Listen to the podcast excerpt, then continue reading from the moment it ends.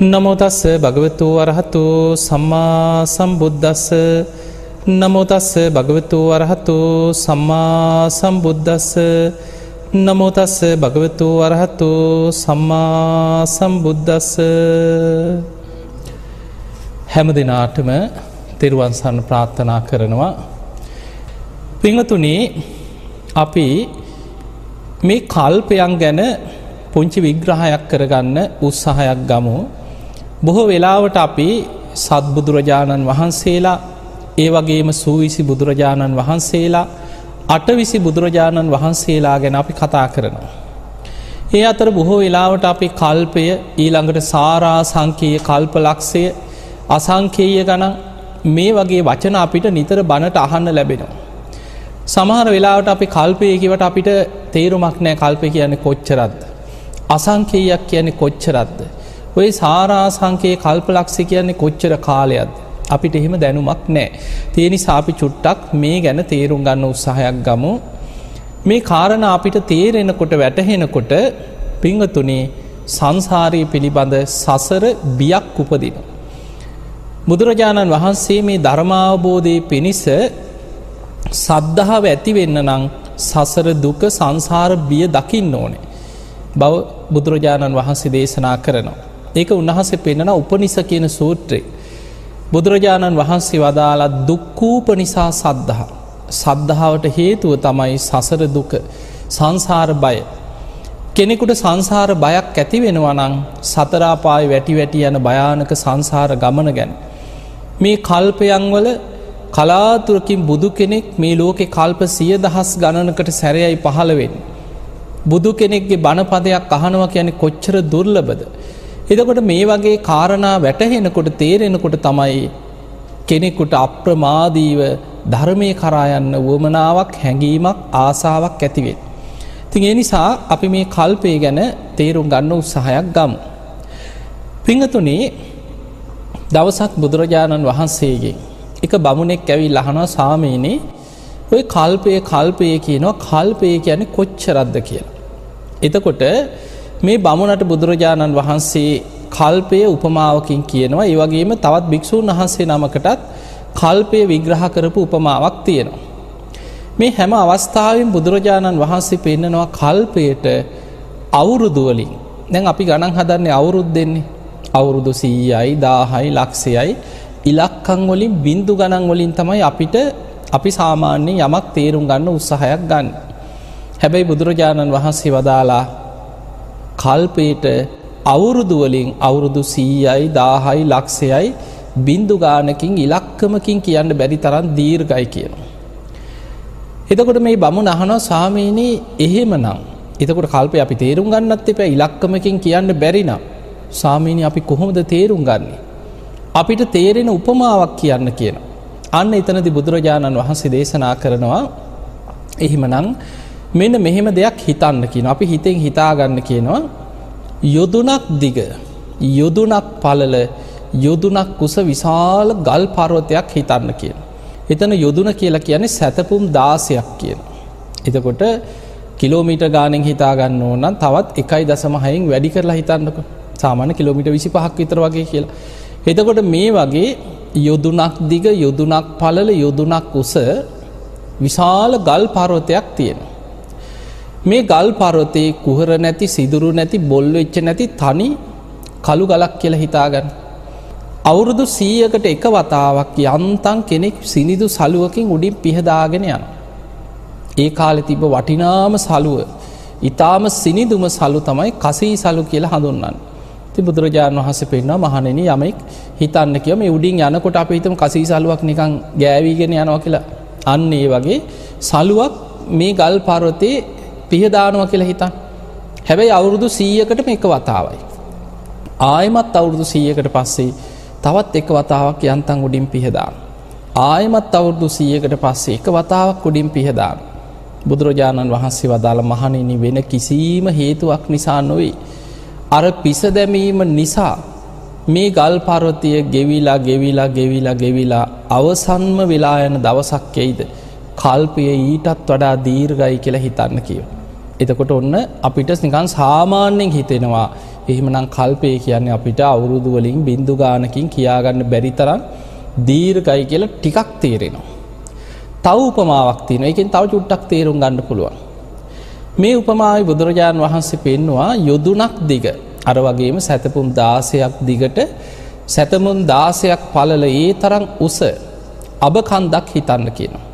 අබෑට ඔබ දන්නවා පුංචිම අබෑටවල ප්‍රමාණය ඔබ දන්නවා. අවුරුදු සීයකට අර විශාල අබකන්දෙන් එක පුංචි අබෑටයක් අයින් කරන. ආයමත් අවුරුදු සීයක් ගත වුණාට පස්සේ තව එක බෑටයක් අයින් කර. තවත් අවුරුදු සීයකට පසේ එකා බෑටයක් අයින් කර. බුදුරජාණන් වහන්සේ වදාලා යම් කාලයක් එනවද ඔය විශාලම අබකන්ද අඩු වෙලාර එක ඇටේ ඇටේ අයින් කිරීම නිසා අබකන්ද අවසන් වෙන කාලයක් එයිද. කල්පේ වගේ කියලා හිතන්න කිය. එතකොට ඔය උපමා දෙකෙන්ම අපිට පේන්නේ කල්පය කියන එක මොන තරන් දීර්ඝ කාලයක්ද. ඊළඟට අටුවාවල කල්පය විස්තර කරන ක්‍රමයක් තියෙනවා. මහා කල්පයක්. මේ මහා කල්පයකට අන්තක් කල්ප හැට හතරක් තියෙනවා.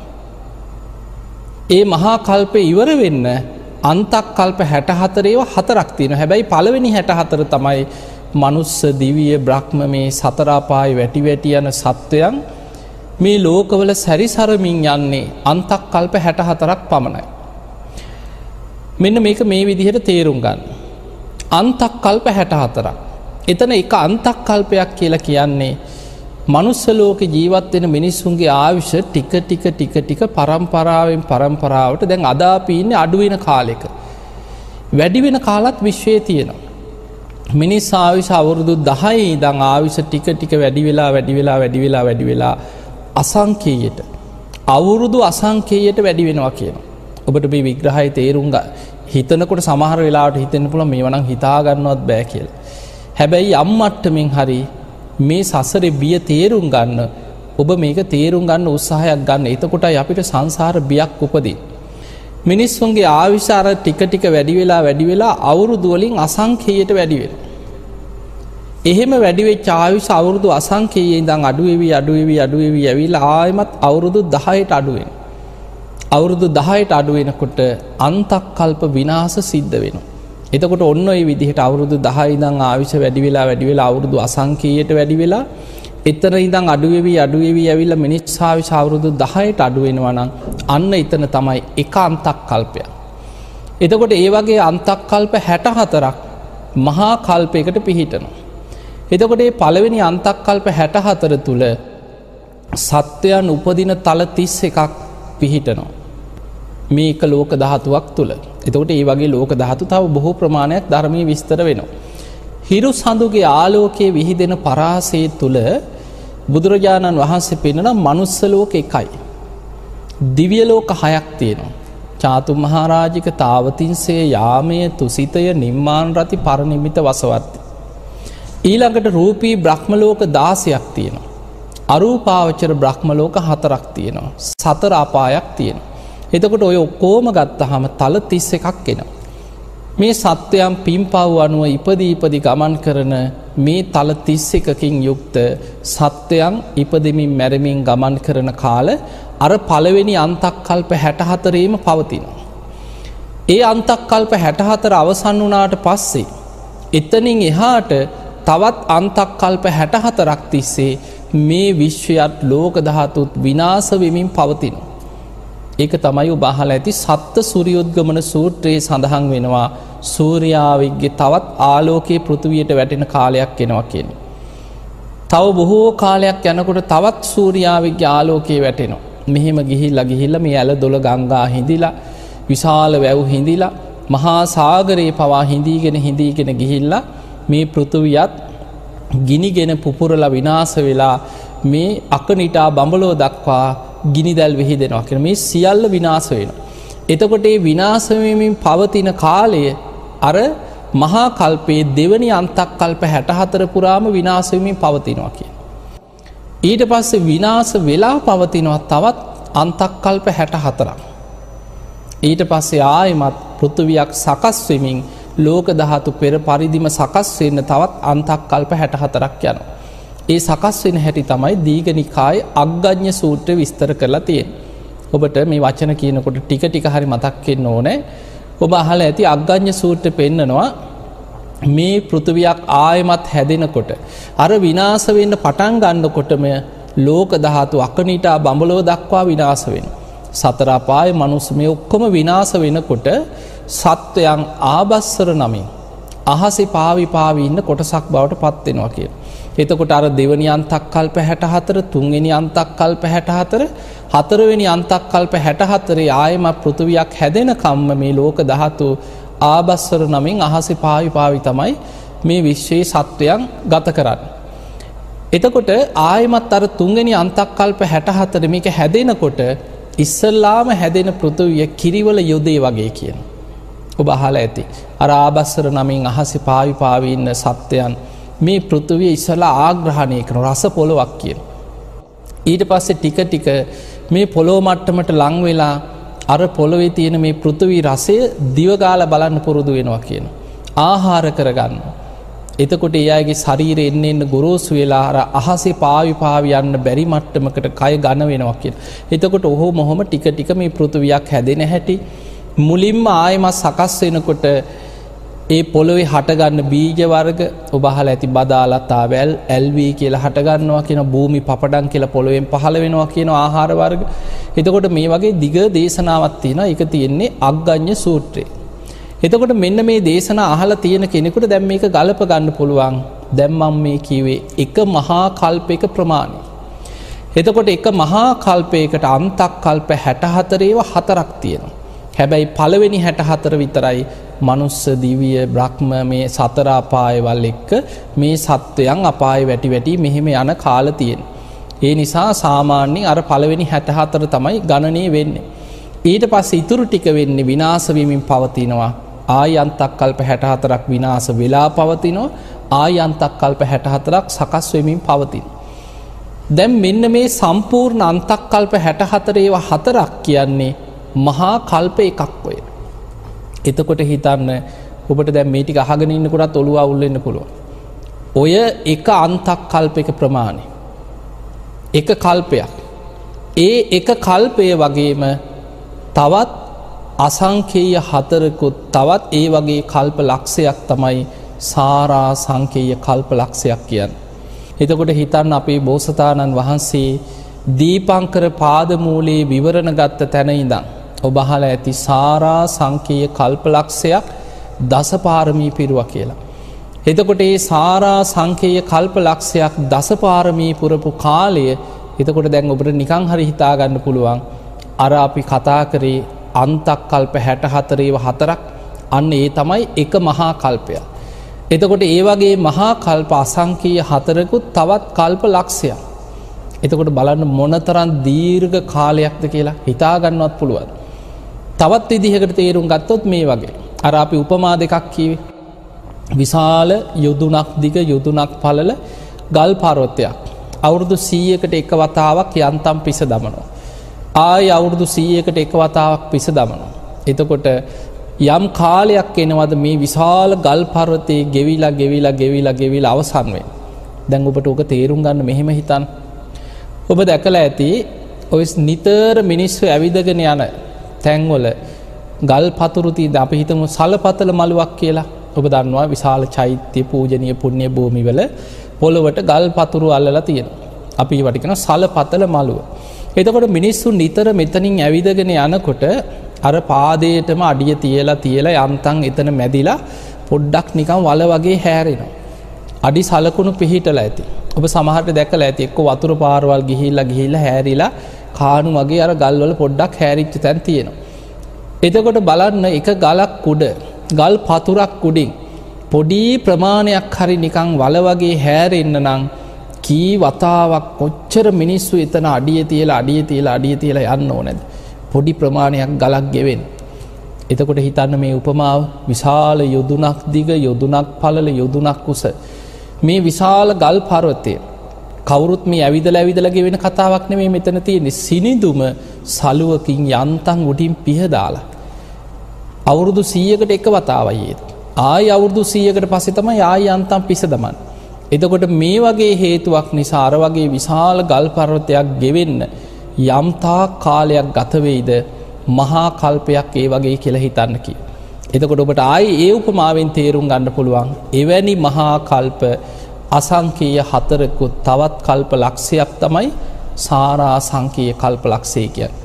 අසංකේය කියන්නේ කියද කියන එක ඔය අටුවාවල බින්දු ගානකින් විස්තරන එකයි බින්දු එකසිය හතලිහක් හැටියට විස්තර වෙන අසංකේය.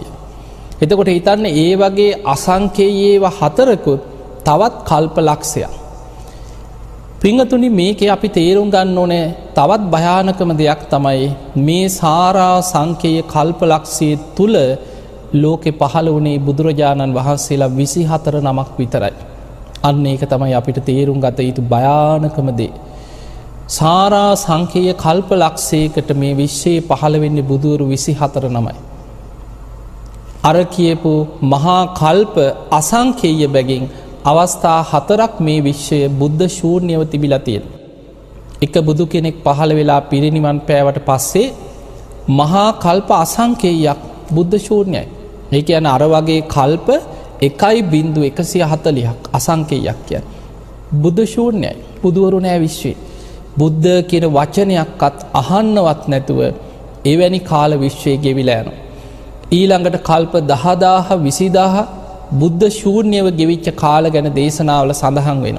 ඒ නිසා තමයි එදා මීට සාරා සංකය කල්පලක්ෂයකට පෙර එකම කල්පේ බුදුවරු හතර නමක් පහළ වෙනවා. තන්හංකර මේදංකර සරණංකර දීපංකර කියලා හතර නමක් පහළ වුණ. අන්නේ හතර නමක් බුදුවරුන්ගෙන් හතරවෙනි බුදුරජාණන් වහන්සේ තමයි දීපංකර බුදුහාන්තු. ඒ දීපංකර බුදුරජාණන් වහන්සේගෙන් තමයි අපේ බෝසතාණන් වහන්සේදා සුමීද තාපසයන් වහන්සේ හැටියට විවරණ ගත්තේ. ඒ විවරණ ගත්තට පස්සේ එතන ඉඳං තවත් බුදුවරු විසිහතර නමකගෙන් විවරණාරගෙන තමයි මේ මහා බද්ධ කල්පේ හතරවෙනි බුදුරජාණන් වහන්සේ හැටියට සම්මා සම්බුද්ධත්වයට පත්වේ. අන්න එතකොට ඔබ තේරුම් ගන්න එහෙමනං එකම කල්පේ බුදුවරු හතර නමක් පහළ වුණා. මීට සාරා සංකයේ කල්ප ලක්ෂයකට පෙර. ඒ හතර නමගෙන් හතරවෙනි බුදුහාන්දුරන්ගෙන් තමයි විවරණ ගත්තේ. ඒ විවරණ ගත්ත බුදුවරු ප්‍රමාණි තමයි සූවිසි බුදුවරු කියන්. එතකොට බුදුරජාණන් වහන්සේලා විසි හතර නමයි. අපි ඔයි සූවිසි බුද්ධ වන්දනා කරන්න ඒ බුදුවරු වෙනුවෙන්. එතකොට අපේ බුදුහාන්දුරුත් එකතු නහම විසි පස් නමයි. එතකොට අර සාරා සංකයේ කල්පලක්ෂයකට පෙර ඒ කල්පේ විවරණ ගන්න පෙර පහළ වෙච්ච තව බුදුවරු තුන් නමක් හිටිය. තන්හංකර මේ දංකර සරණංකර. අන්නේ තුන් නමත් එකතු වනාට පස්සේ විසි අටයි. ඒ තමයි අටවිසි බුදුරජාණන් වහන්සේලා.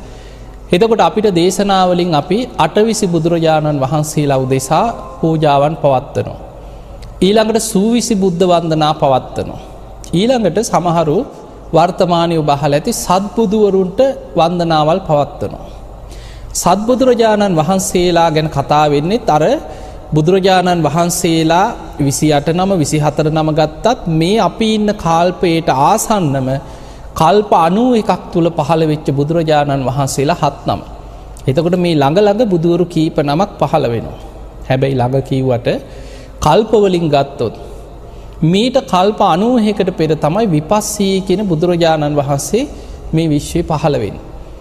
විපස්සි බුදුරජාණන් වහන්සේ පහළ වෙලා පිරිනිවන් පෑවට පස්සේ මහා කල්ප හැටක් බුද්ධ ශූර්ණයයි. එතකොට අපි කතා කර පුපමාව හිතාගන්න අර ගල් පරවතයක් ගෙවෙන විශාල අබෑට කන්දක් ගෙවෙන එතකොට එවැනි කාල හැටක් මහා කල්ප හැටක් විපස්සි බුදු හාදුරන්ගෙන් පස්සේ ආයමත් බුද්ධ කියන වච්චනවත් ලෝක යහන්න නෑ බුද්ධ ශූර්ණයයි. ඊට පස්සේ එකම කල්පෙ බුදුවරු දෙනමක් පහළ වෙනවා. සිකී වෙස්ස බූ කියන බුදුරජාණන් වහන්සේලා දෙනම්. හැබැයි ඔබ මතක තියාගන්න ලෝකයේ බුදුවරුන්ගේ ධර්මතාවයක් තමයි එකම කල්පේ එකවර පහළ වෙන්නේ. ඒඇන එකම කල්පි දැන් සිකී බුදු හාන්දුරු පහළ වෙලා ඉන්නකොටම වෙසබ බුදු හාන්දුරුත් ඒ කාලෙන් පහළ වෙන්නේ. එකම කල්පේ පෙර පසු තමයි පහළවෙන්න. ඒ ඇන දැම් මේ මහා බද්්‍ර කල්පේ පළවෙනි අන්තක් කල්පෙ කකු සඳ බුදු හාන්දුර. දෙවනි අන්තක් කල්පෙ කෝනාගමන බුදු හාන්දුර. තුංගනි අන්තක් කල්පෙ කාශ්‍යප බුදු හාන්දුර. හතරවෙනි අන්තක් කල්පෙ තමයි ගෞතම බුදු හයිතකට මේ අතර බුද්ධ ශූර්ණය කාලෙකුත් ගෙවිල තමයි ආයි බුදු කෙනෙක් පහළවෙන්. ඒ අරෙන්න එක බුදු කෙනෙක් ලෝකෙ වැඩ ඉඳමින් දහම් දෙසනකොට ඒ නගරකම තව බුදු කෙනෙක් ආයි පහළ වෙන්නේ. එතකොට හිතන්න මීට කල්ප තිස්සෙහකට කලින් අර කල්ප අනුවකින් කල්ප හැටක් බුද්ධ ශූර්ණයව තිබිලා මීට කල්ප තිස්සේකට පෙර තමයි සිකී වෙස්ස බූ කියන බුදුරු දෙනම පහළවෙන්. උන්වහන්සේලාත් දහම් දෙසල ඒ බුද්ධ ශාසන අතුරු දහම් වුණාට පස්සේ ආය කල්ප තිහක් බුද්ධ ශූර්ණයයි කියෙන්. එතකොට අපි මේ මහා බඩ්ඩ කල්පයේ පහළ වෙන්න කලින් ආය කල්ප තිහක් බුද්ධ ශූර්ණයව තිබිලා තමයි අපි මේ ඉන්න මහා බඩ්ඩ කල්පය උදාවෙන්. දැන් අපි ඉන්නේ බුදුවරු පස් නමක් පහළ වෙන කල්පයක් තුළයි මෙයින්. ඒ නිසා තමයි මහා බද්්‍ර කල්පය කියලා මේ කල්පයට කියන්න. පිංහතුනේ මේ කල්පයට අපි ධර්මය කියන මහා බද්ධ කල්පයකට හේතු බුදුවරු පස් නමක් පහළ වෙන.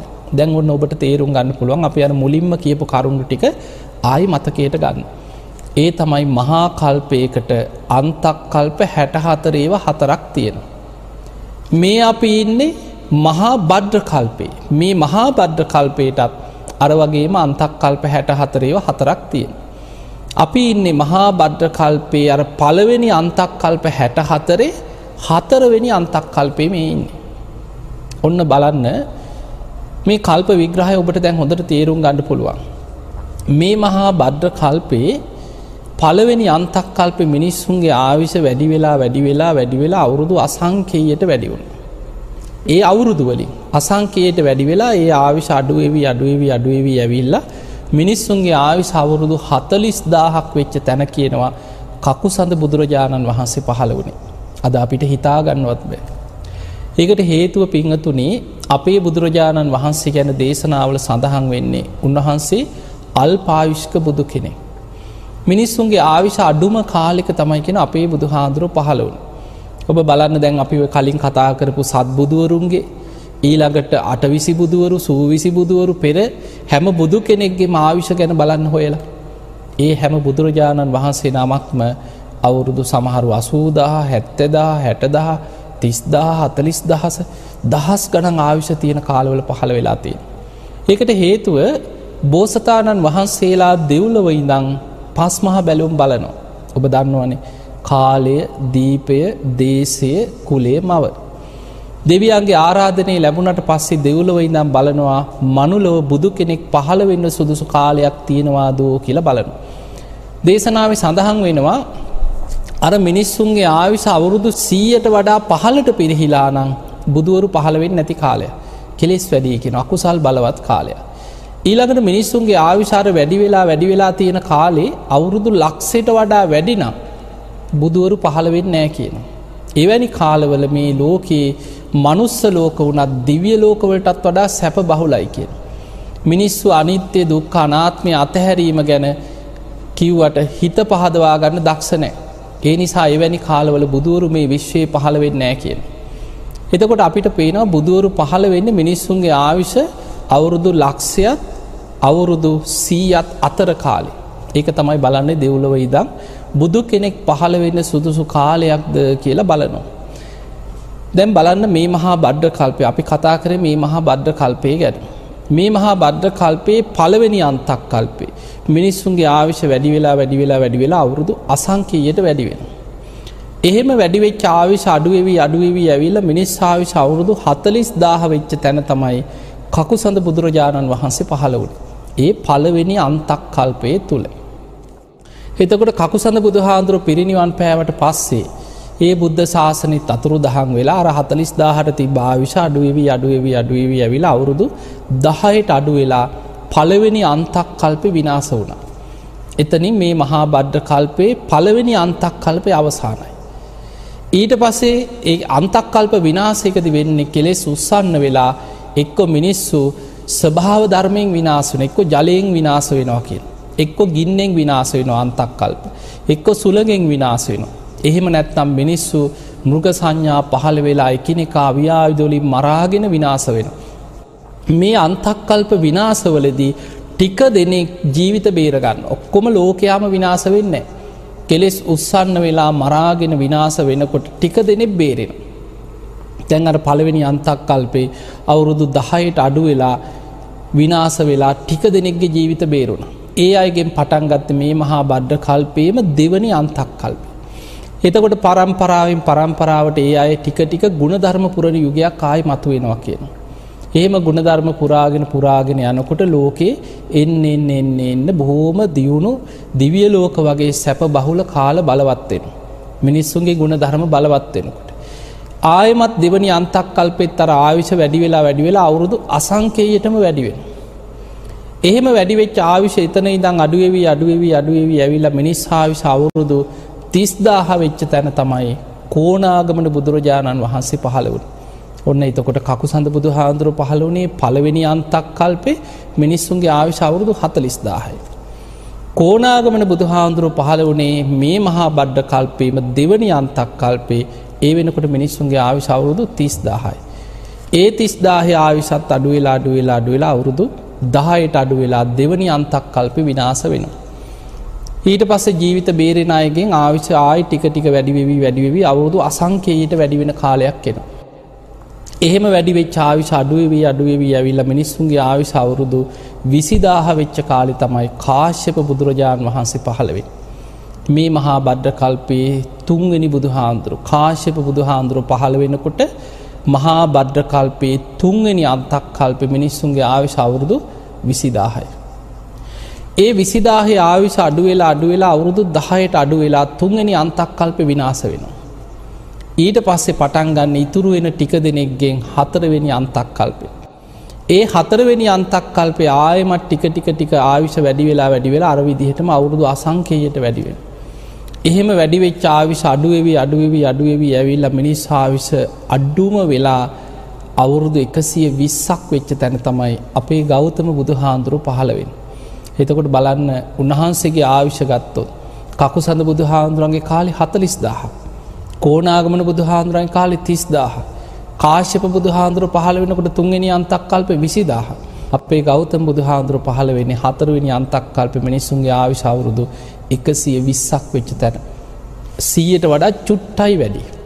සීයට වඩා පහලට ආවිශ පිරිහුණානං මේ මහා බඩ්ඩ කල්පය හතරවෙනි අන්තක් කල්පය බුදුරු පහළ වෙන්නේ. එතකොට යන්තන් අපේ පිනකට එදා අපේ ගෞතම බුදු හාමුදුරුව පහළ වුණ. දැන් හිතන්න උන්වහන්සේ දැන් අපිට තේරෙන ටිකක්යම දැන් ඔය කියපු ඔක්කෝම අපි තේරුම් ගත්තට අපිට ගොඩක් තේරෙන් නැති දේවලුත් ඇතින. දැන් අපිට තේරෙනම තේරුම් ගන්න පුළුවන් චුට්ටක් හිතන් මෙහෙම. ඒ තමයි අපේ බුදුරජාණන් වහන්සේ පහළ වෙනකොට මිනිස්සුන්ගේ ආවිශ අවුරුදු සාමාන්‍ය ආයු අපේක්ෂාවම අවුරුදු එකසිය විස්සයි. හැබැයි ඊට වඩා දැම් බක්කුල මහරහතන් වහන්සේ අවුරුදු එකසිය හැටක් වැඩ හිටිය. අනුරුද්ධ මහරහතන් වහන්සේ අවුරුදු එකසිය පණහක් වැඩ හිටිය.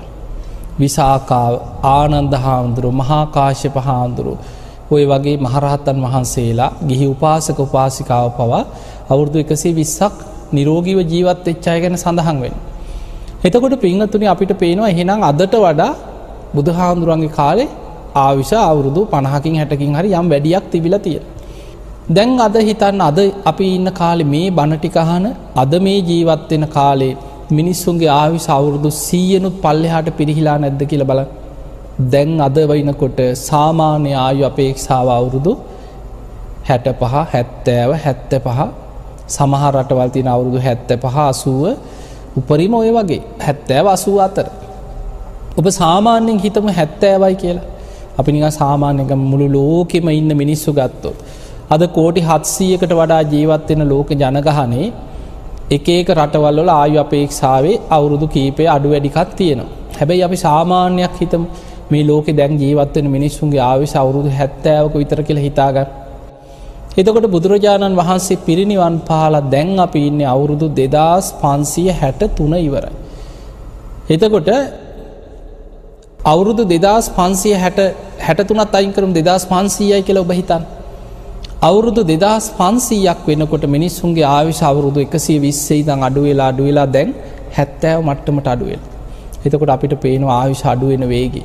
අවුරුදු සීයකට අවුරුදු දෙහෙකින් වගේ තමයි ආවිශ අඩුවවී අඩුවවී ඇවිල්ලා තිය. මේ වේගෙන් අනාගතය හිතු තව අවුරුදු දෙදස් පන්සීයක් යනකොට මේ හැත්තෑවෙනුත් තව පණහක් අඩු වුණොත් විස්සයි. එතකොට බුදු හාදුරුව පිරිනිවන් පාලා අවුරුදු පන්දාහ වෙනකොට දහතුන් වහන්සේලා පිරිනිවන් පානකොට සිරිපා සටහන් ලෝකෙ මැකෙනකොට බුද්ධ අධිෂ්ඨාන අවසන් වෙන දවස වෙනකොට මනුස්ස ලෝක ජීවත්වෙන මිනිස්සුන්ගේ ආවිශ අවුරුදු විස්සට විතර පිරිහෙච්ච පිරිසක්. ඒ බුද්ධ ශාසනය ගෞතම බුද්ධ ශාසනයේ දහතුන් වහන්සේලා පවා බුද්ධ අධිෂ්ඨානයෙන් පවතින්නේ අවුරුදු පන්දාහක් කල් යනකම් විතරයි කිය. දැම් මේ දහතුන් වහන්සේලත් පිරිනිවන් පාලා තව අවුරුදු දෙතුන් සීයක් යනකොට අර විශ්‍ය ආවිශත් අඩු වෙලා දහයට බහිනවා. අපි මේ ඉන්න හතරවෙනි අන්තක්කල්ප විනාසේ ගැන අපේ බුදුරජාණන් වහන්සේ දීගනිකාය පෙන්නනවා චක්‍රවර්ති සීහනාද කියලා සූත්‍රයක. මේ හතරවෙනි අන්තක්කල්ප විනාස වෙන විස්තරයක් තියෙනවා දීර්ඝ විස්තරයක්.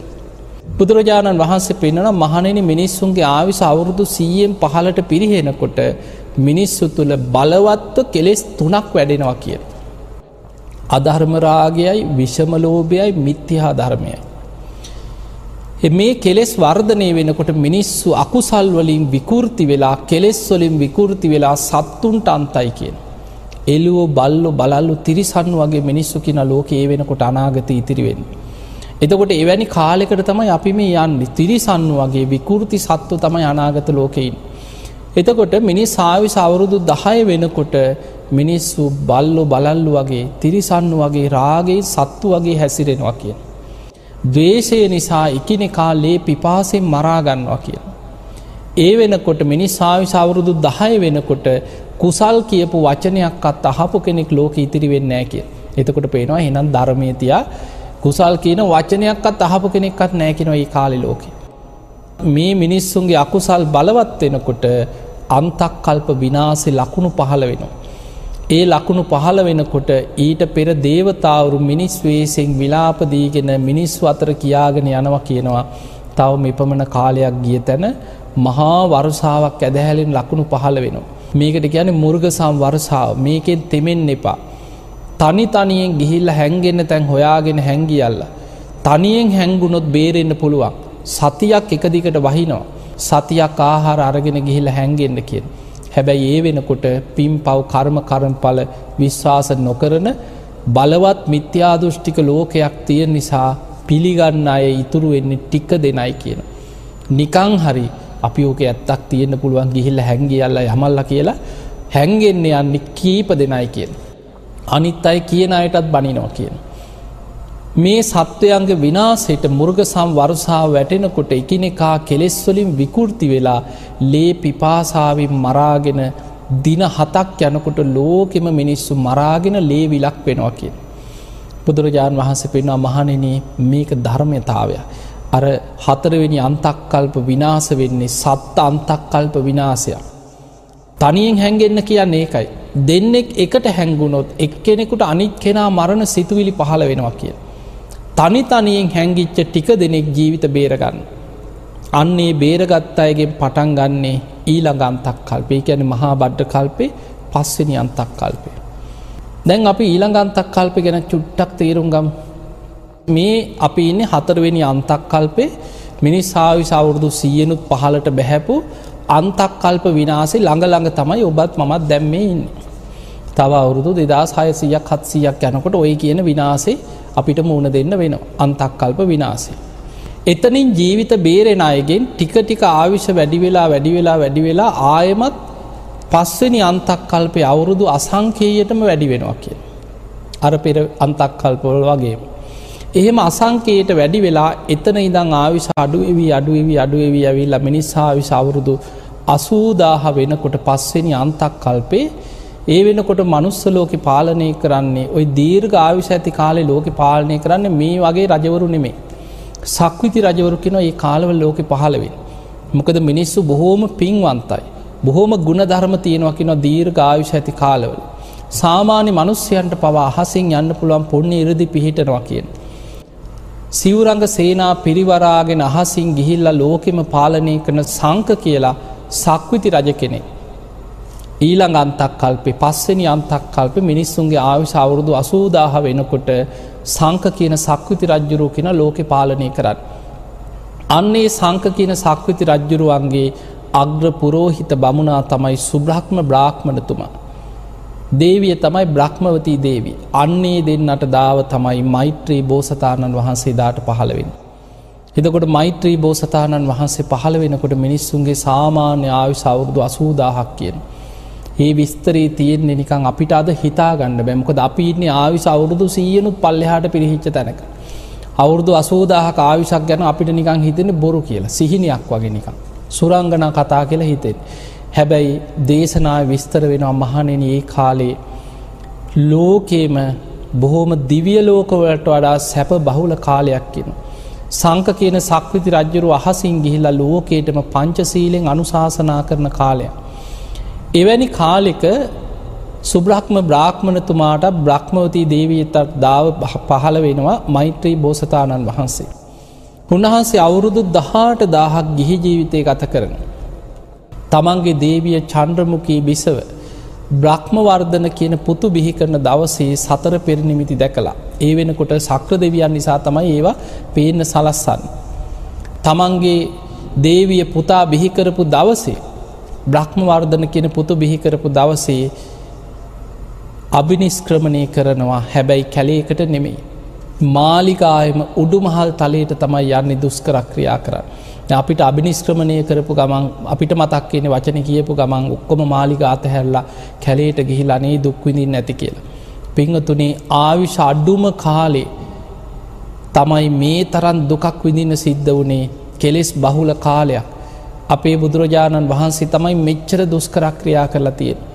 ඔබ බලන්න පෙර පහළ වෙච්චෝය අනෙක් බුදුරජාණන් වහන්සේලා අට විසි බුදුවරු සූවිසි බුදුවරු ඔය හැම බුදු කෙනෙක්ගෙම දුස්කරක්‍රියා කාලය ගැන ඔබ හොයල බලන්න උපරිම මාස තුනයි මාසහයයි මාසයයි සතියයි දෙකයි දුස්කරක්‍රියා කලතිය.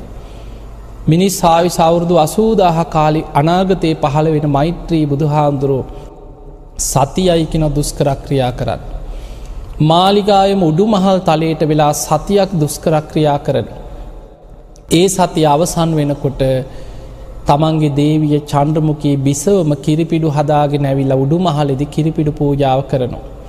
ඒ කිරිපිඩු වලඳල මහා බ්‍රහ්ම දෙවියන් අහසිං ඇවිල් අට පිරිකරක් පූජ කරන මේ අට පිරිකර පිළි අරගෙන සිවුරු පිරිකර දරාගෙන කෙස් වැටිය කපල අහසට විසි කරලා අහසිම්මයි කියනවා බෝමුලට වඩින්නේ වජිරාසනය ළඟට. එහෙම වඩිනකොට අහසෙන් වඩින ගමන දැකලම වසවර්ති මාරය බයේ එතනම පැනලෑනෝ කියන අහසිදිම මගහැරල යනවා මාරය. මාර පරාජය කියන්නේ ඒක. දැම් බලන්න අපේ බුදු හාදුරන්ට මාරයක් කොච්චර කරදර කරාද කියල්. වජිරාසනී වැඩ ඉන්නකොට දසබිම්බරක් මාර සේනා පිරිවරාගෙන ගිරි මේ කලා කියෙන ඇතුපිට නැගල ඇවිල්ල කොච්චරනං හිරිහැර කරන්න හැදුවත් ආවිධ වරුසාවල් ගල් වරුසාවල් හෙන පුපුරනවා වගේ ගස් කඩාගෙන වැටෙනවා වගේ භයානක සබ්ද ඇති කර කර වහාමොතනින් නැකිටින්න කියලා තර්ජනය කර කර උත්සාහ කර. හැබැයි අනාගතයේ මෛත්‍රී බෝසතාණන් වහන්සේ අහසීම වජිරාසනය ළඟට වඩිනකොට උන්වහන්සේන ගමන වලක්වන්න හදන මාරයා අහසිදීම පැරදිලා පලායනවා කියන. උන්වහන්සේ වජිරාසනය මත වැඩඉඳලා පෙරබුදුවරු වගේ මානාපාන සති භාවනාවෙන් රාත්‍රයේ පළවෙනියාමි පුබ්බේ නිවාසානුස්සති ඥානෙ දෙවනියාමි චුතූපාතඥානය තුංගනියාමි පටිච්ච සම්පාද විමසල අවසන් වෙනකොටම හිමිදිරි උදෑසන අරුණෝදයක් සමගම කෙලෙසුන්ගෙන් මෙදිලා සම්මා සම්බුද්ධත්වයට පත්වෙනවා. අනාගතයේ මෛත්‍රී බුදුරජාණන් වහන්සේ පහළ වෙන්න ඔය විදිහට. දැන් ඔන්න හිතන්න දැන් ඔබට මේ කියල දුන්නේ මේ මහා බඩ්ඩ කල්පේ පළවෙනි අන්තක් කල්පේ කකු සඳ බුදු හාදුරු. දෙවනි අන්තක් කල්පේ කෝනාගමන බුදු හාන්දුරු. තුන්වෙනි අන්තක් කල්පේ කාශ්‍යප බුදු හාන්දුරු.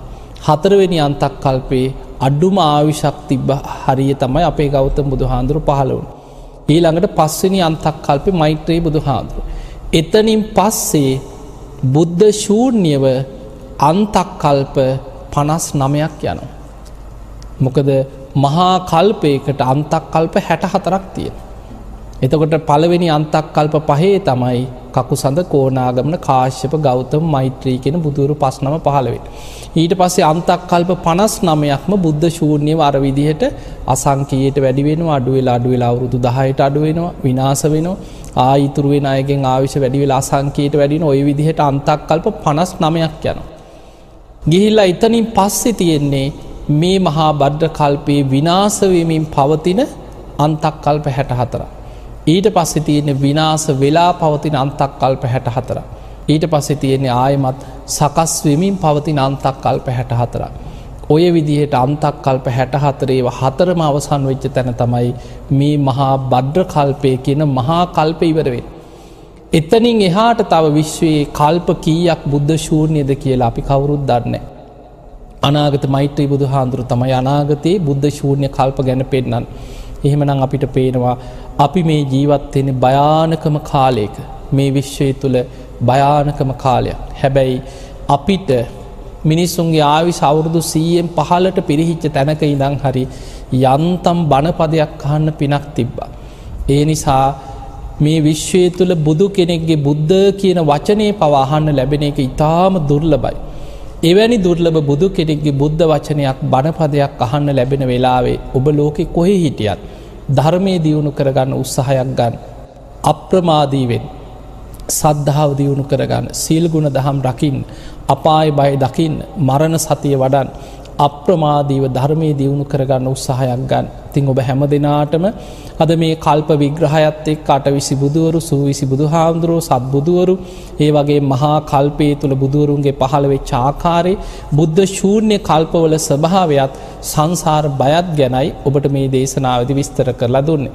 ති මේ ධර්මාණු ශාසනාවෙන් ඔබ හැම දෙනාටම අප්‍රමාදීව ධර්මීම දියුණු කරගන්න වීරිය නුවන ශක්තිය හැකියාව වාසනාවම ලැබේවා ලැබේවා ලැබේවා කියලපි ඔබට ආශීර්වාද කරන